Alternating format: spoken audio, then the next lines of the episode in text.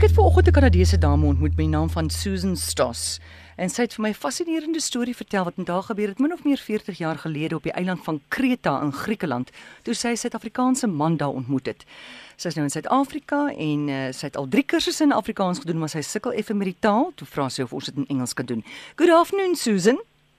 Hi, how are you, Amore? I'm very well, thank you. Thanks so much for chatting with us today. Take us back more or less 40 years ago. What happened to you on the island of Crete in Greece? Oh, it wasn't quite 40 years ago, but I was backpacking. I was 23 years old, and there's sort of a subculture of backpackers, and you get to know each other quite well. And I met this man from South Africa, and he took my fancy, as I did his, apparently.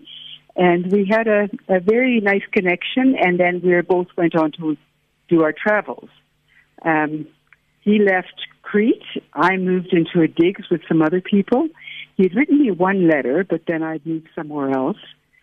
Anyway, one day there was a Scottish girl named Leslie Smith who moved into the digs with us, and she was telling me about the kibbutz she had just come from in Israel. And she said to me, there are most incredible people. You have to go to this kibbutz. It's such a beautiful place. And she showed me this card that they had made her when she left the kibbutz. And I recognized Neville's signature on it Wow. from the one letter he had sent me. Yeah, so that was that was sort of the beginning of the coincidences. Okay, uh, excuse me, Susan. How long was this after your meeting in Crete? We met in December in Crete, and he left in February, I guess, the following year, 1982. Okay. And then this woman moved in with me so three weeks later, I guess. Okay, so how long more or less? A year?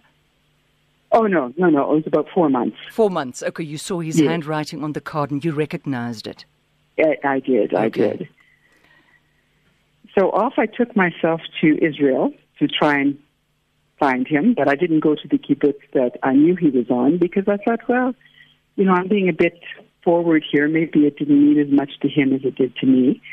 And I got myself my own kibbutz and um, wrote a very casual letter saying, I heard you're here. I don't know if you're still here. Maybe you've left by now, but this is where I am.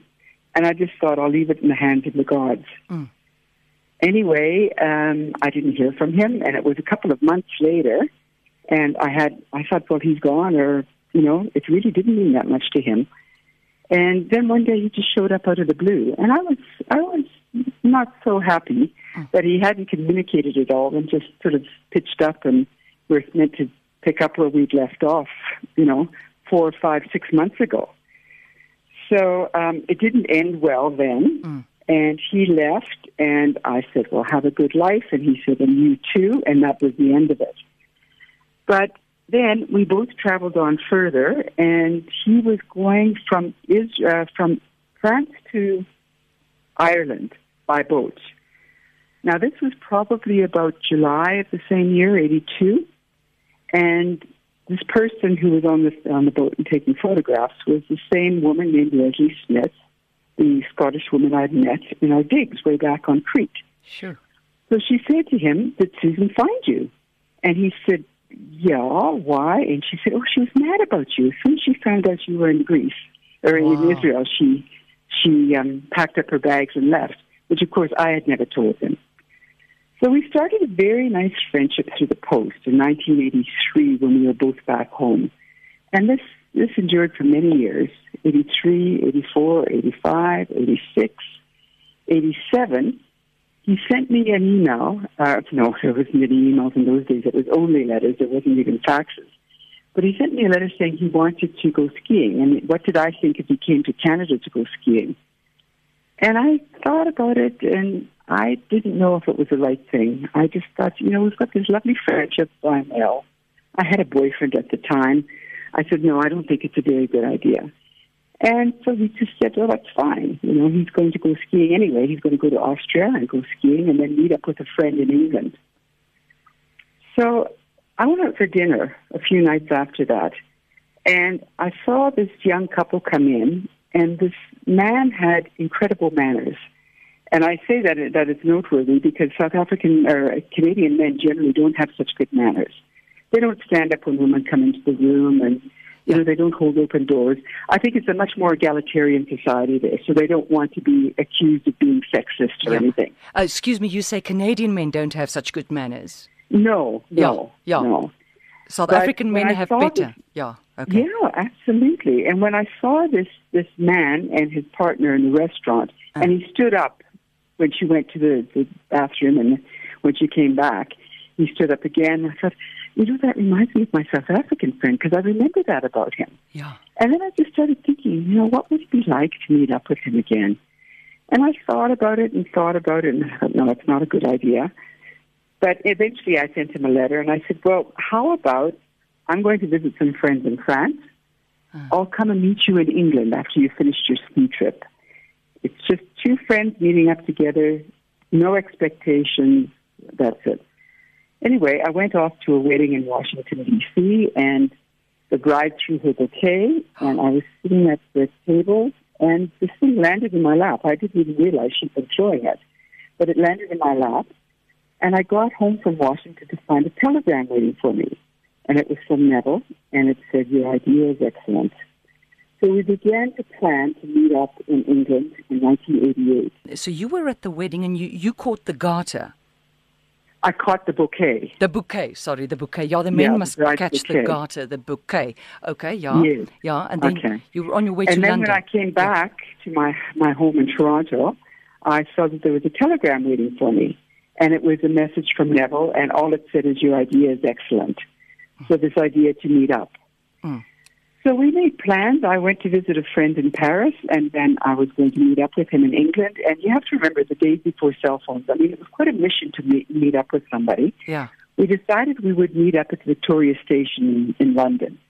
And we decided we'd meet up at the Boots drugstore. Yeah. And there were two Boots, which we didn't know, and he was waiting at one and I was waiting at the other. And so we were waiting and waiting for hours, and the other one didn't pitch, and we, I didn't know what I was going to do because I didn't know where I was going to stay. Anyway, I just went for a walk around Victoria Station as he did at the same time, and we bumped into each other coincidentally. So, um, you know, we were two friends meeting up. We were going to travel around England together, and it was magic. It was just absolutely magic. And I, I realized within a couple of days that this this was something very special. And I guess he must have as well because he asked me to marry him six days later. Wow.